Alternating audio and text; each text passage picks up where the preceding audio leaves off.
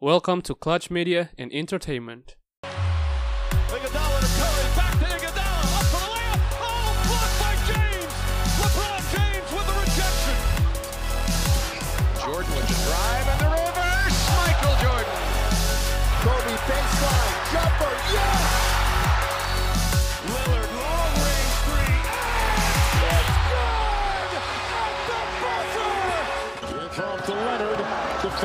Simmons.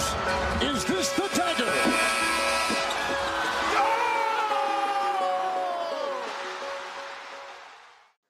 Yo yo, kembali lagi bersama kita di Clutch Zone Podcast. Dan seperti biasa, ada gua Muhammad Okten sebagai host dan ditemani oleh Fauzan Zaki as always. Yo, what's up? What's down, everybody? Dan ada Adrian juga di sini. Halo, kemarin. halo. Oke. Jadi pembahasan episode kita kali ini ya basically adalah lanjutan dari episode kemarin. Kita ngebahas top 5 player in each position sejak post Jordan era. Jadi semuanya udah dijelasin di episode sebelumnya mengenai aspek-aspek penilaiannya. Jadi untuk yang belum dengar episode kemarin silahkan didengar dulu gitu biar nyambung.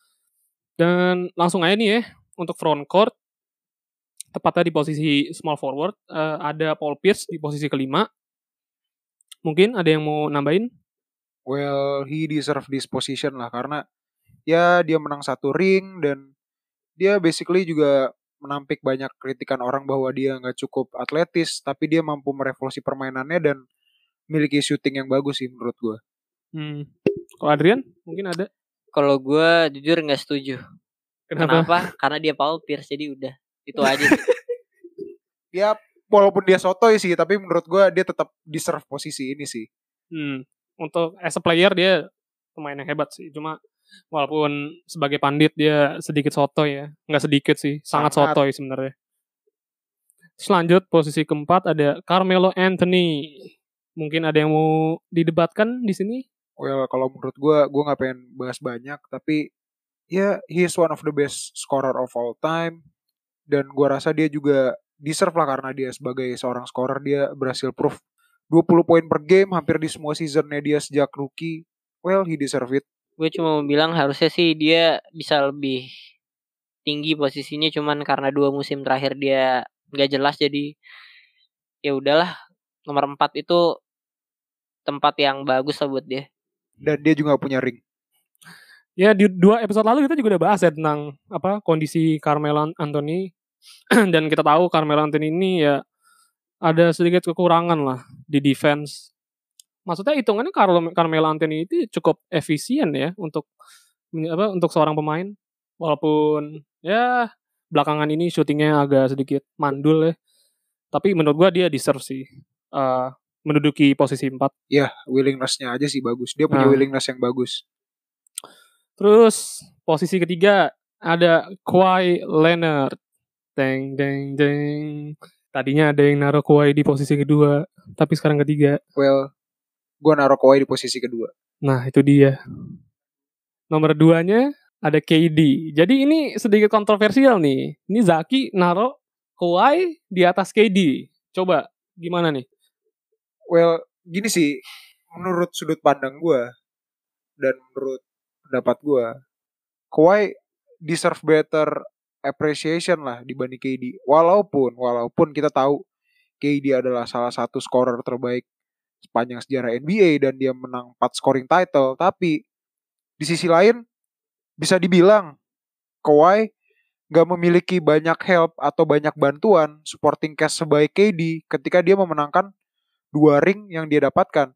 Even ya di Spurs kita tahu mereka punya big three sebelum Kawhi di tim Duncan, Manu Ginobili dan Tony Parker, tapi itu nggak sebaik supporting cast yang dimiliki KD, dimiliki KD di Golden State Warriors, di mana ada Draymond Green, Klay Thompson dan Steph Curry. Jadi menurut gue ya Kawhi deserve lah, walaupun memang bisa dibilang Kawhi masih sedikit unproven sih karena dia belum bisa menunjukkan musim apa permainan konsistennya di regular season secara terus menerus seperti KD karena kita tahu Kawhi juga punya health issue mungkin di mana dia jarang bermain regular season secara penuh 82 game. Nah, Kawhi itu kan dia apa namanya sering absen di regular season ya. Nah, Kenapa tuh dia bisa apa di posisi kedua, Zak? Coba tambahin sedikit lagi. Eh gini sih, di mana gini, gue ber, ber- berpikir bahwa Kawhi adalah seorang pemain yang mampu merubah landscape di NBA, di mana even dia hanya bermain satu musim di Toronto Raptors, dia mampu meng-carry satu negara, dia membawa sebuah negara untuk memenangkan gelar pertama eh, gelar pertama mereka di NBA, the first NBA championship in Canada, seperti kita udah bahas di episode kedua, eh iya episode pertama, sorry. Kawhi ini adalah seorang pemain yang revolusioner. Mungkin awalnya dia hanya seorang pemain biasa dengan karakter bermain dengan style permainan 3 tapi ya great player will always find their way to the greatness. Kawhi berhasil menemukan jalan untuk menunjukkan kepada dunia bahwa dia adalah seorang pemain yang hebat dan nggak hanya sekedar sistem player. Ya walaupun pada awalnya orang-orang berpendapat dia adalah seorang sistem player ketika bermain di Spurs, dia telah membuktikan itu ketika dia mampu membawa Toronto Raptors menjadi juara di NBA. Oke, kalau Adrian gimana nih argumennya yang mau dikeluarin? Sebenarnya ini cukup sulit ya karena menurut gue kedua pemain ini punya ya bisa dibilang karir yang hampir sama uh, Finals MVP dua kali dan dia juga juara dua kali jadi setiap tim yang dia bawa juara dia selalu bawa peranan penting ma- masing-masing KD atau Kawhi cuman kenapa gue harus naro KD di atas karena menurut gue di isu uh, kesehatannya juga sih maksud gue kita kita itu harus bisa selalu sedia main kalau pengen jadi pemain yang lebih pemain yang jadi legendaris lah gitu.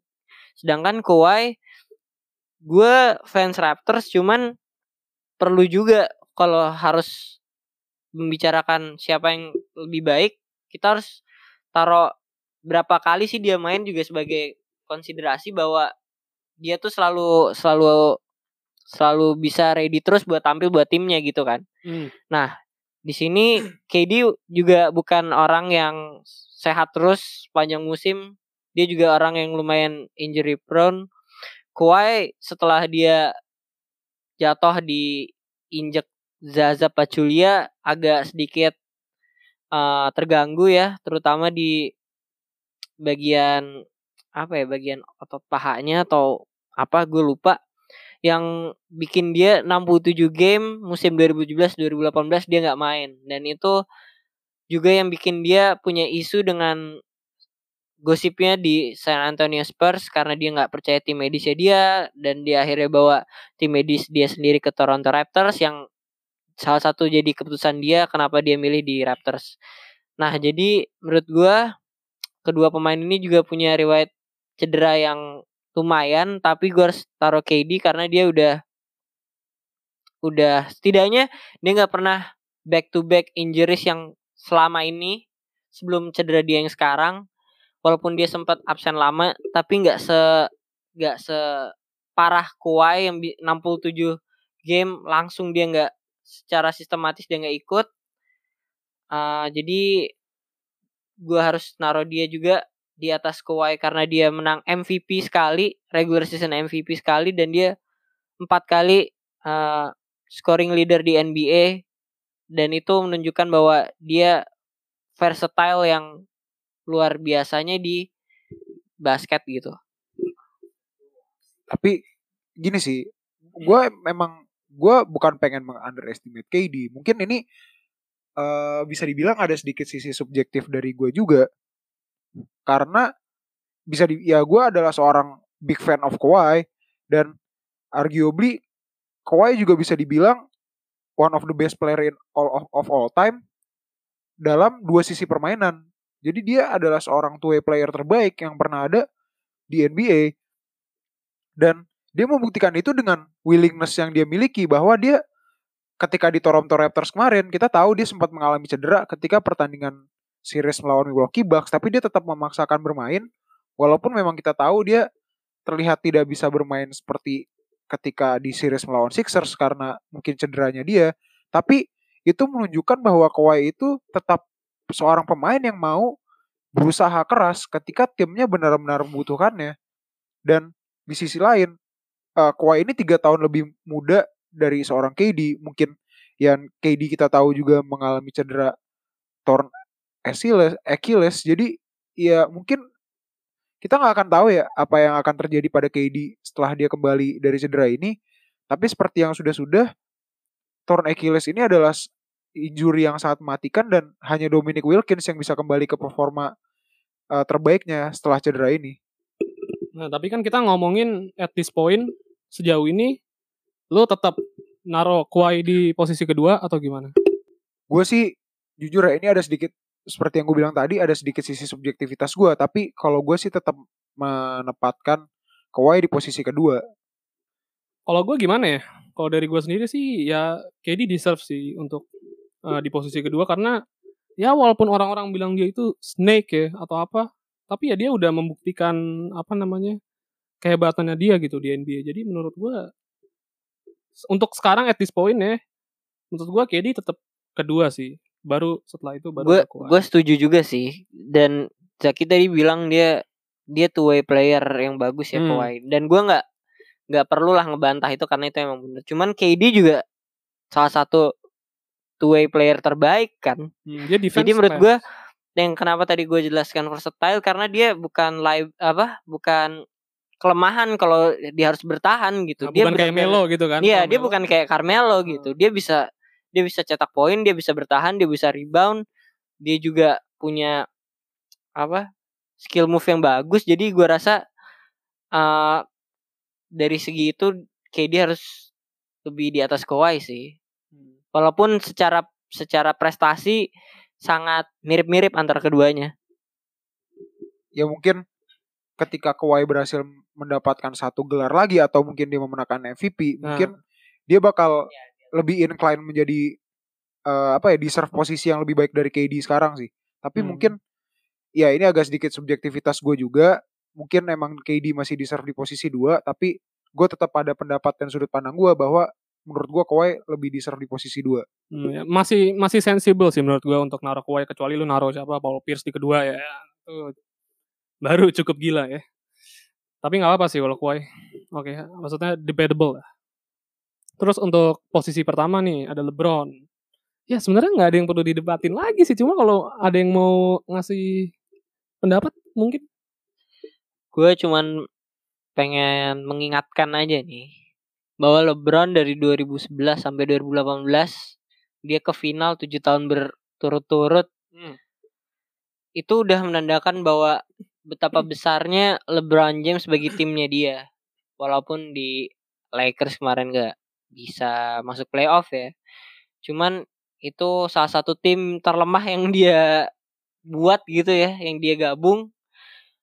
Tapi balik lagi ya LeBron James ya selalu akan ada di topik pembicaraan bahwa dia the greatest of all time dan ketika kita ngomongin era 2000-an bahkan hingga sekarang yang satu nama yang menurut gue nggak pernah bisa lepas ya LeBron James gitu. Dan dia lagi-lagi selalu punya punya apa ya selalu punya playoff mode lah dia. Waktu di Miami waktu di Cleveland dia benar-benar eh, bikin semuanya itu tertuju pada LeBron dan LeBron punya jawabannya gitu Ya mungkin bisa dibilang juga LeBron ini adalah seorang pemain yang sangat fenomenal. Di mana ketika dia masih high school aja udah hype-nya udah sangat besar ya. Tapi ya kita kembali lagi kita akan membahas NBA dan kita tahulah rata-rata pemain yang berumur 34 tahun seperti LeBron sekarang mendekati 35 tahun pasti akan mengalami declining yang bisa di ya dengan eye test aja bisa kelihatan lah. Tapi kalau kita lihat LeBron di musim lalu even setelah dia kembali dari cedera dia masih menunjukkan atletisme yang sangat luar biasa untuk seorang pemain yang berumur 34 tahun bahkan hampir mendekati 35 tahun. Bahkan mungkin LeBron akan menjadi pemain NBA pertama yang memiliki kesempatan untuk bermain bersama atau melawan anaknya sendiri di NBA dan ini menjadi titik menarik juga dan ya of course mungkin buat sebagian orang LeBron adalah the greatest of all time. Tapi let's save that topic for another discussion. Untuk saat ini menurut gua LeBron adalah pemain terbaik di era 2000 sampai 2019 2020 even. Mungkin dua musim ke depan LeBron masih akan menjadi pemain terbaik tapi mungkin nggak bakal sampai lebih lama lagi. Mungkin ya akan ada pemain yang menggantikan LeBron di puncak pemain terbaik di NBA yang gue kita petut eh, tunggu adalah seberapa lama LeBron masih bisa bertahan di puncak performanya sih. Ini dia udah musim ke ke 16 apa ke 17 ya. Jadi kita lihat aja, kita nikmatin aja seberapa lama lagi LeBron bisa bertahan di puncak performanya sih. Semoga sih gue sih pengen lihat dia bisa juara di Lakers juga. Jadi dia di tiga tim berbeda dia bisa juara. Ya pokoknya LeBron eh, nomor satu di sini no question lah pokoknya ya. Eh, dia juga masih apa on track ya untuk eh, mecahin rekor Karim Abdul Jabbar kalau dia bisa tetap konsisten sampai beberapa, beberapa tahun ke depan. ya most point score of all time ya Mm-mm. Jadi untuk segmen pertama kurang lebih segitu dulu. Nanti eh, di segmen kedua kita mau ngebahas posisi power forward dan nanti ada juga center. Kita mau break dulu sebentar. eh, so we'll be right back after this.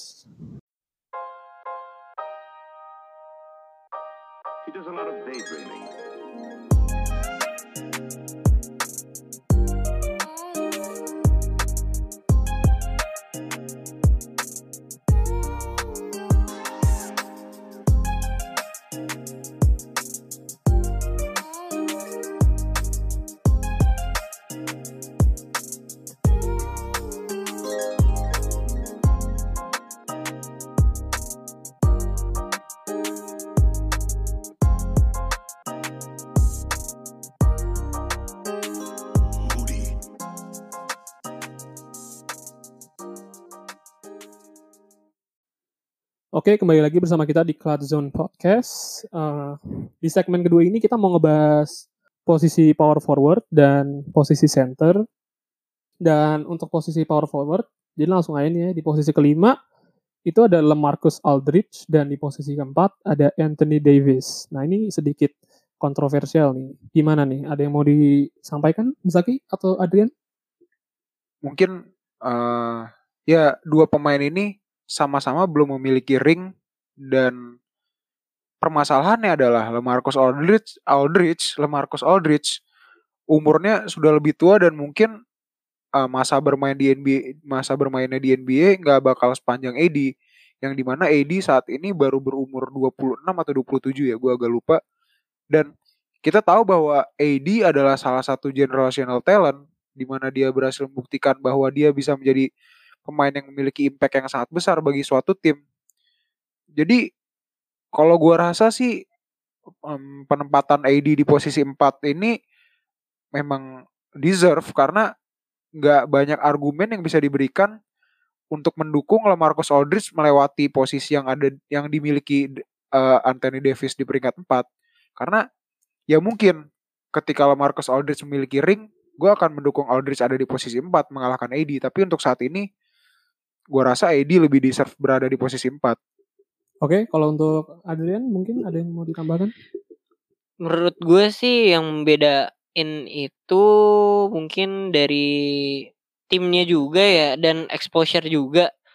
Ya keduanya sama-sama small market gitu.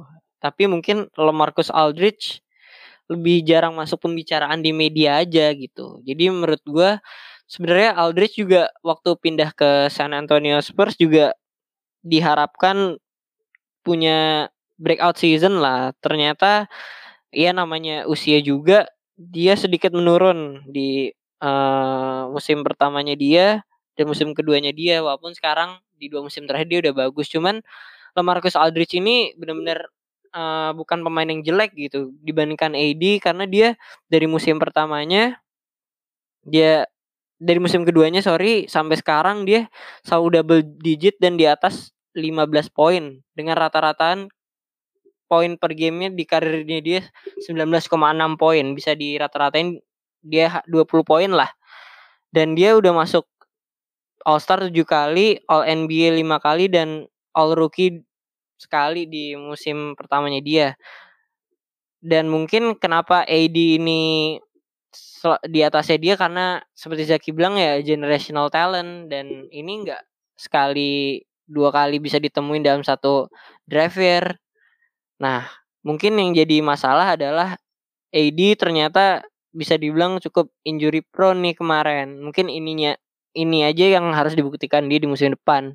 Bisa nggak dia buat tetap sehat dan bugar untuk main di Lakers? Mhm. ya mungkin uh, gue uh, sedikit sih um, salah satu hal yang membuat LeMarcus Aldridge deserve di posisi ini karena seperti kita tahu draft day eh draft year 2006 itu draft class 2006 adalah salah satu draft class yang cukup underwhelming layaknya draft class tahun 2000 tapi terlepas dari underwhelming dari draft draft class itu LeMarcus Aldridge berhasil berhasil membuktikan bahwa dia adalah salah satu pemain terbaik yang ada di draft class tahun 2006 Oke, terus lanjut ke posisi 3 ada Dirk Nowitzki dan di posisi 2 ada Kevin Garnett. Nah, ini what makes you think Kevin Garnett is better than Dirk Nowitzki? Um, Oke, seperti yang uh, kita tahu, gue adalah seorang fans dari Timberwolves dan ya every Timberwolves fan would love Kevin Garnett karena ya dia adalah salah satu pemain salah satu pemain terbaik yang pernah bermain di Timberwolves. Bahkan dia adalah satu-satunya pemain yang berhasil membawa Minnesota Timberwolves ke Western Conference Final walaupun pada akhirnya harus kalah. Tapi um, gua rasa ini juga agak sedikit subjektif ya layaknya Kawhi dan KD sebelumnya. Tapi memang menurut gua uh, Kevin Garnett ini adalah pemain yang lebih all around walaupun dia nggak memiliki shooting abilities baik Dirk Nowitzki tapi dia memiliki athleticism dan defensive ability untuk menunjang permainannya dia sebagai power forward di mana defensive ability menjadi salah satu kelemahan Dirk Nowitzki. Dan Kevin Garnett pun berhasil membuktikan bahwa ya dia adalah salah satu generational talent. Dia bermain langsung dari high school dan dia melawan segala kritikan dan membuktikan bahwa dia mampu um, mengadaptasi permainannya ke NBA dan membuktikan bahwa dia menjadi salah satu pemain terbaik yang pernah ada di NBA mungkin top top 5 power forward of all time tapi menurut gue untuk uh, post Jordan era dia adalah power forward terbaik nomor 2 Kalau menurut gua sih ya, kenapa? Mungkin KG lebih punya lebih punya eksplosivitas dibandingkan Dirk Nowitzki dan dia juga benar-benar membawa tim Minnesota Timberwolves itu seperti yang Zaki bilang tadi ke prestasi yang belum pernah diraih sebelumnya gitu. Kalau Dirk Nowitzki tipikal pemain dari Eropa ya banyak keraguan yang ada di Dirk Nowitzki apakah dia bisa translate uh, permainannya dia di NBA dan ternyata memang dia sangat sukses dengan 14 kali All Star terus juga MVP sekali, Finals MVP sekali dan dia punya ring juga satu ring sama Dallas Mavericks dan 12 kali All NBA. Ini benar-benar membuktikan dia salah satu pemain yang paling berpengaruh lah dari 2000 sampai 2019.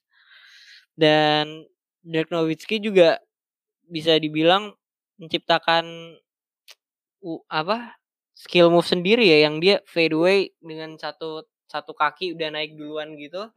Jadi dia eh, cukup bisa dibilang di era 2000-an benar-benar berpengaruh sih terutama zaman-zaman di era 2005 sampai 2007 dia MVP dia bawa Dallas Mavericks jadi first seed di West walaupun kalah sama Golden State.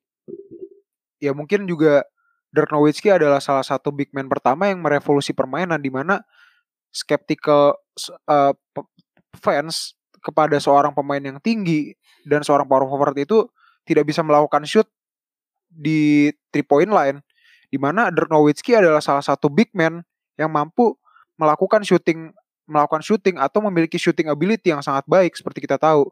Tapi ada salah satu mungkin ini adalah salah satu faktor juga kenapa KG Kevin Garnett bisa ada di peringkat 2 mengalahkan Dirk Nowitzki adalah defensive player of the year yang pernah dimenangkan oleh Kevin Garnett dan kita eh kalau gue tahu Kevin Garnett juga pernah memimpin major stat major statistical kategori di Minnesota Timberwolves selama beberapa musim di mana eh, Kevin Garnett memimpin poin per game, rebound per game, assist per game, bahkan block per game.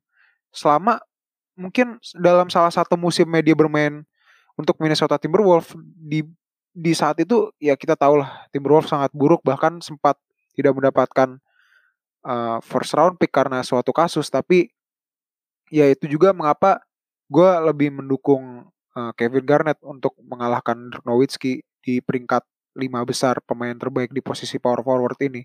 Oke. Tapi kalau misalnya kita taruh subjektivitas aside lah kita taruh. We put that aside. Lo tetap naruh KJ di kedua atau gimana? Kalau gua sih sebenarnya karena gue nggak ngefans juga sama dua pemain ini, maksudnya biasa aja ya sebagai fans aja ngelihat fans NBA aja nonton mereka beda gaya mainnya juga sih ya.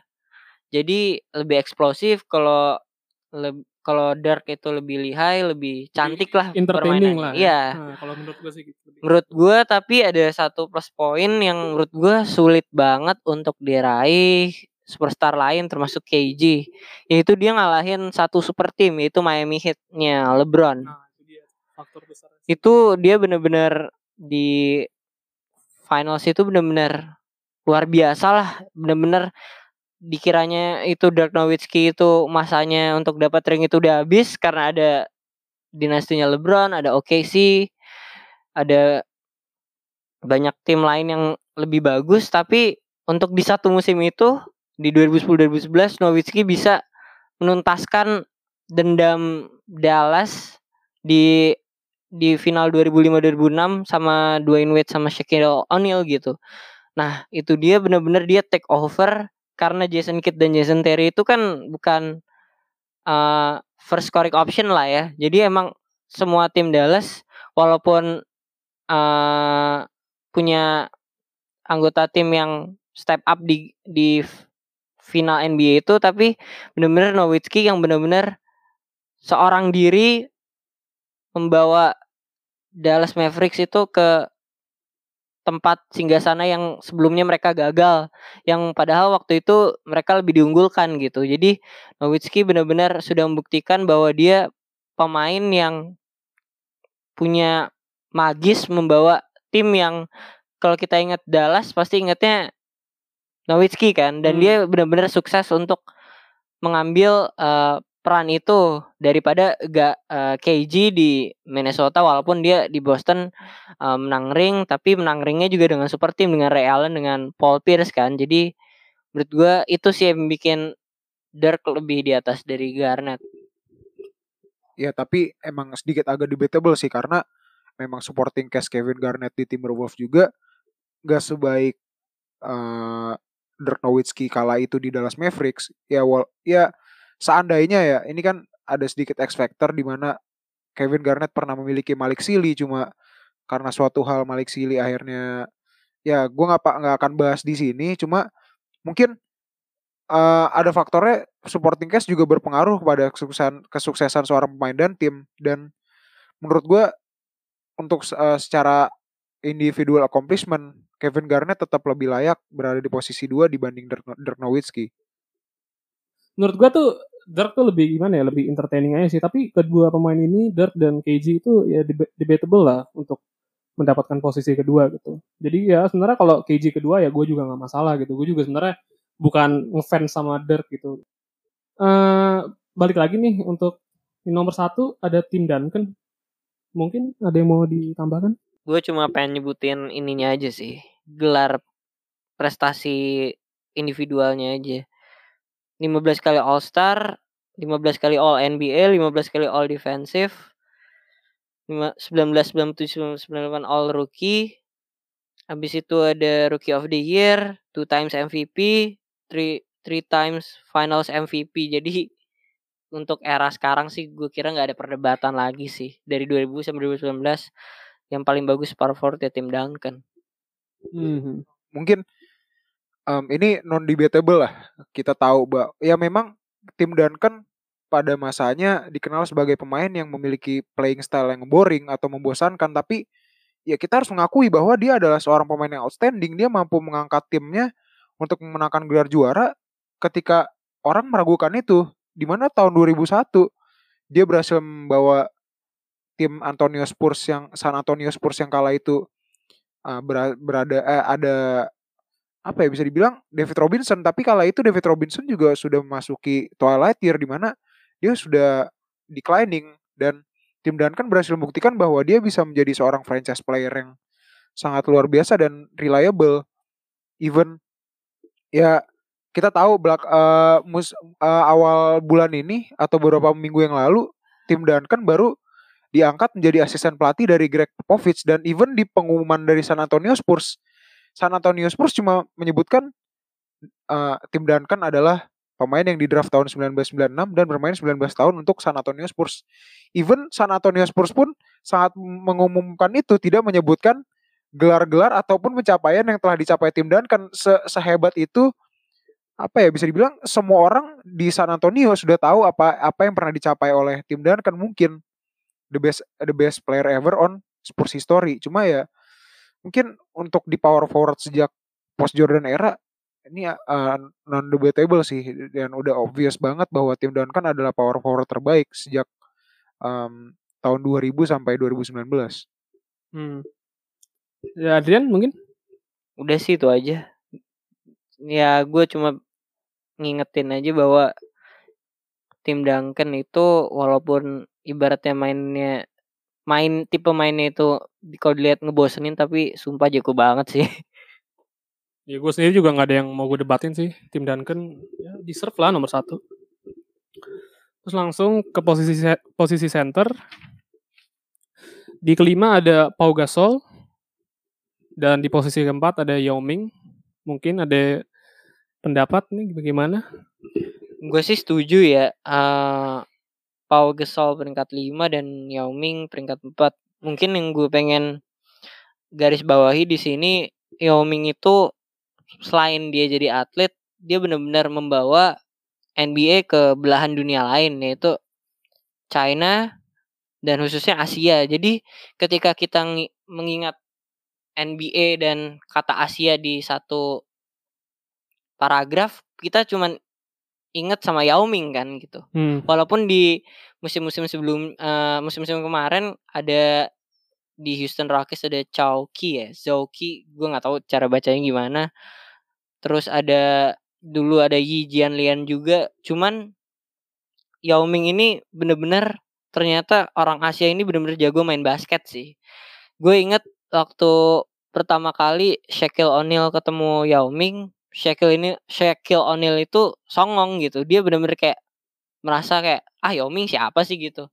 Dia bener-bener pengen ngesok di depan Yao Ming dan akhirnya Shaquille O'Neal pun diajarin cara main undering juga gitu dan dia bahkan sampai first attempt Shaq buat ngepoint dia bahkan ngeblok si Yao Ming. Jadi benar-benar akhirnya mereka jadi sahabatan sampai mereka udah pensiun gitu. Jadi menurut gua Yao Ming ini benar-benar harusnya sih bisa main mungkin sampai pa- eh, 10 musim 13 mu- sampai 13 musim lah. Sayangnya karir karirnya dia terlalu banyak cedera sih ya. Mungkin karena postur tubuhnya dia juga yang tinggi besar jadi ke bawahnya mereka dia ringkih gitu. Cuman menurut gua impactnya cukup besar sih. Ya mungkin kalau kita membandingkan Pau Gasol dan Yao Ming, mungkin prestasi Pau Gasol jika dibandingkan dengan Yao Ming akan uh, lebih incline ke Pau Gasol ya karena ya kita tahu Pau Gasol adalah two time NBA champion dan dia salah satu complementary star terbaik yang pernah ada di NBA. Cuma kalau kita berbicara impact, Yao Ming adalah seorang pemain yang sangat sangat besar impactnya di dunia NBA. Bahkan mungkin bisa dibilang Yao Ming juga yang membuka jalan untuk para pemain Asia bermain di NBA karena uh, selama selama ini kita tahu uh, Asia pemain orang-orang Asia adalah orang-orang yang tidak memiliki postur tubuh yang atletis dan bisa dibilang tidak memiliki tinggi badan yang uh, layaknya seorang pemain Afrika ataupun Amerika dan Yao Ming itu bisa dibilang mem- mem- mematahkan persepsi itulah dan dia membawa perubahan ke NBA juga bahkan membawa pasar NBA itu ke Asia dan seperti kita tahu uh, salah satu masalah terbesar dari Yao Ming sendiri adalah cedera ya seandainya ya seandainya at least Yao Ming memenangkan satu ring atau ya at least sampai Western Conference Final karena kita tahu prestasi terbaik Yao Ming hanya mencapai second round. Mungkin Yao Ming akan berada di posisi yang lebih tinggi dari ini. Even dia tidak memenangkan ring, dia menjadi salah satu pemain tercepat yang di eh, apa ya ditarik menjadi di dinyatakan sebagai Hall of Fame di mana 19 tahun sejak rookie year-nya. Jadi ini mu- mungkin salah satu prestasi terbaik lah dari seorang pemain di NBA. Oke, em, terus ketiga ada Chris Bosh dan nomor dua ada Dwight Howard. Mungkin ada agak sedikit kontroversial nih nomor dua sama nomor tiga atau gimana? Gue sih setuju ya, Hah? Chris Bosh harus ditaruh di nomor 3 karena dia underrated. Dia itu benar-benar main scoring optionnya di Raptors, dia pindah ke Miami, dia ngambil jadi opsi ketiga dan dia berhasil bawa cincin juga ke Miami Heat. Jadi menurut gue cukup layak dia disebut eh, di sini. Cuman yang ironisnya nomor 3 dan nomor 4 harus karirnya harus diakhiri oleh cedera ya. Jadi dan kondisi fisik yang tidak memungkinkan lagi kalau nggak salah Chris Bosh ada kelainan darah atau something like that lah. Da- tapi yang ingin gue sampaikan sih Chris Bosh cu- di pertengahan karirnya di, dia di Miami Heat juga udah berusaha semaksimal mungkin buat jadi peran nomor tiga ya gitu. Dia benar-benar uh, develop three pointnya juga dan dia benar-benar jadi pelengkap yang bagus lah buat Wade sama LeBron. Terutama apalagi dia main di posisi 5 yang jarang ada pemain bagus di masa sekarang yang seversatile gaya mainnya Chris Bosh sih. Ya gue setuju banget sama Adrian dan ya Chris Bosh deserve some appreciation lah karena kalau kita tahu dia adalah seorang pemain yang sangat diandalkan ketika dia bermain di Toronto Raptors dan uh, hebatnya lagi dia bisa mengesampingkan egonya ketika dia bermain di Miami Heat bersama LeBron dan D Wade di mana kita tahu angkanya menurun dari dari sejak dia bermain di Toronto Raptors tapi ya seperti kita tahu sejak kepergian LeBron pun Miami Heat akhirnya menyadari bahwa peran Chris Bosh itu sangat besar pada uh, pada tim Miami Heat sendiri dan gua rasa itu udah cukup, cukup berbicara banyak sih tentang bagaimana efek seorang Chris Bosh dan sayang disayangkannya karirnya harus terpotong pendek dan dipaksa pensiun karena penyakit blood clot yang dialami oleh Chris Bosh. Kalau untuk Dwight Howard, ah, mungkin ada yang mau ditambahin? Gue masih jujur masih bingung kenapa pemain sekali Dwight Howard gak bisa dimaksimalkan oleh banyak tim. Terutama semenjak dia pindah ke Lakers ya. Setelah dia pindah ke Lakers, dia ribut sama Kobe Bryant. Lakers empat-empatan di fase playoff. Dia akhirnya pindah ke Houston Rockets dan akhirnya dia jadi journeyman aja. Dia pindah-pindah dari satu tim ke tim yang lain dan itu biasanya durasi kontraknya juga setahun setahun setahun. Nah itu sih yang mungkin gue perlu tercerahkan lagi tentang pengetahuan basket gue. Cuman itu aja sih yang gak gue mengerti gitu ya. Kenapa dia dianggap sebagai pemain yang justru jadi kelemahan di sisi menyerang gitu. Tapi kalau bahas uh, dia sebelum pindah ke Lakers, ya dia nomor satu di draft pick tahun 2004 dia bawa Orlando Magic ke beberapa final wilayah dan membawa ke NBA Finals di lawan Lakers walaupun kalah dan dia benar-benar ibaratnya jadi Shaquille O'Neal 2.0 lah gitu. Makanya dia kalau nggak uh, salah dia punya masalah juga sama Shaquille O'Neal gara-gara julukannya itu sih Superman. Um, Dwight Howard salah satu masalah yang dimiliki um, Dwight Howard adalah mungkin behaviornya dan itu mungkin juga kenapa uh, menunjukkan bagaimana besarnya ego seorang Dwight Howard walaupun ya kita harus mengapresiasi seorang Dwight Howard karena bisa dibilang dia adalah satu-satunya center terakhir yang mampu mengangkat sebuah tim ke NBA Final. Setelah itu um, bisa dibilang nggak ada seorang pemain center yang mampu membawa timnya melaju sampai NBA Final lagi. Dan ya kita tahu Dwight Howard bukan pemain yang memiliki tinggi tujuh kaki, tapi dia memiliki vertikal yang sangat luar biasa dan memiliki fisikal yang sangat baik sehingga dia mampu mendominate pen area even di defense ketika defense dan ya kalau menurut gue uh, Dwight Howard ya deserve sih deserve to be appreciated dan gue rasa dia juga tetap layak uh, berada di Hall of Fame even dia nggak memenangkan satupun NBA Championship dan gue rasa uh, itu juga sih faktor kenapa Dwight Howard nggak bisa lebih tinggi daripada posisi dua Mungkin yang harus disorot mungkin kemampuan uh, transformasi gaya permainan Dwight Howard ya. Di mana Dwight Howard kan ini tipe klasik center ya. Tinggi, besar, rebound, defense-nya bagus dan apa?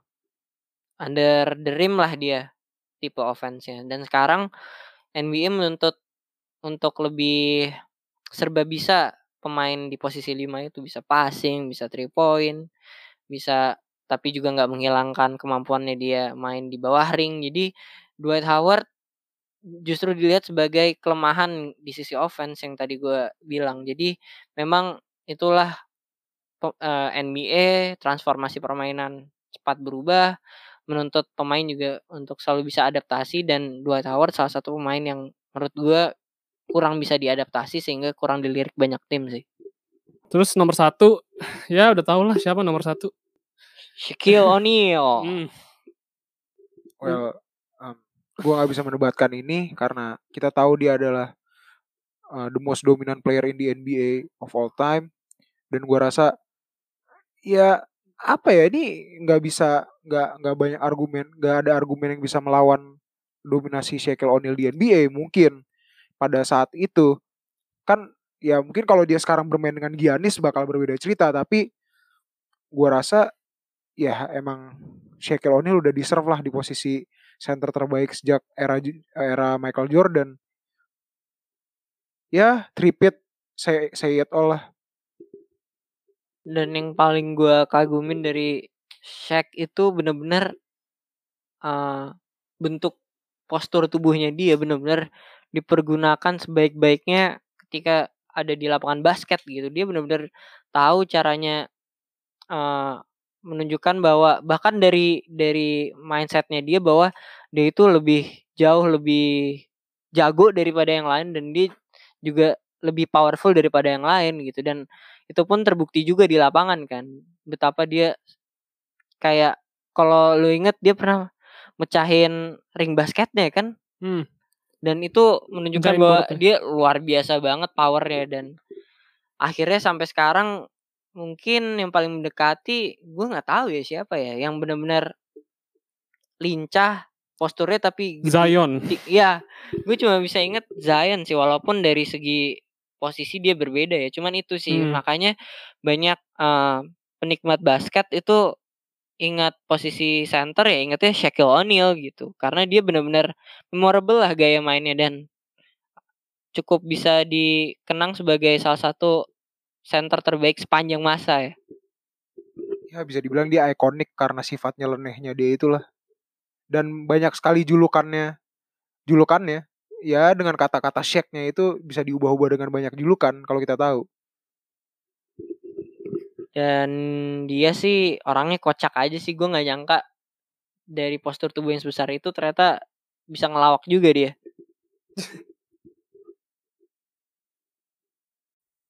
Oke oke. Tapi emang Shaquille O'Neal itu bukan hanya jago ya sebagai pemain basket, tapi dia tuh juga jago melawak gitu ya. ya pokoknya Shaq itu undoubtedly the best center in modern day NBA lah bisa dibilang ya. Eh, by the way, episode 5 sampai sini dulu. Gue mau bilang terima kasih buat pendengar-pendengar yang udah dengerin sampai habis. Gue Muhammad Okten sebagai host. Eh, pamit undur diri. Sampai jumpa di episode berikutnya. Peace.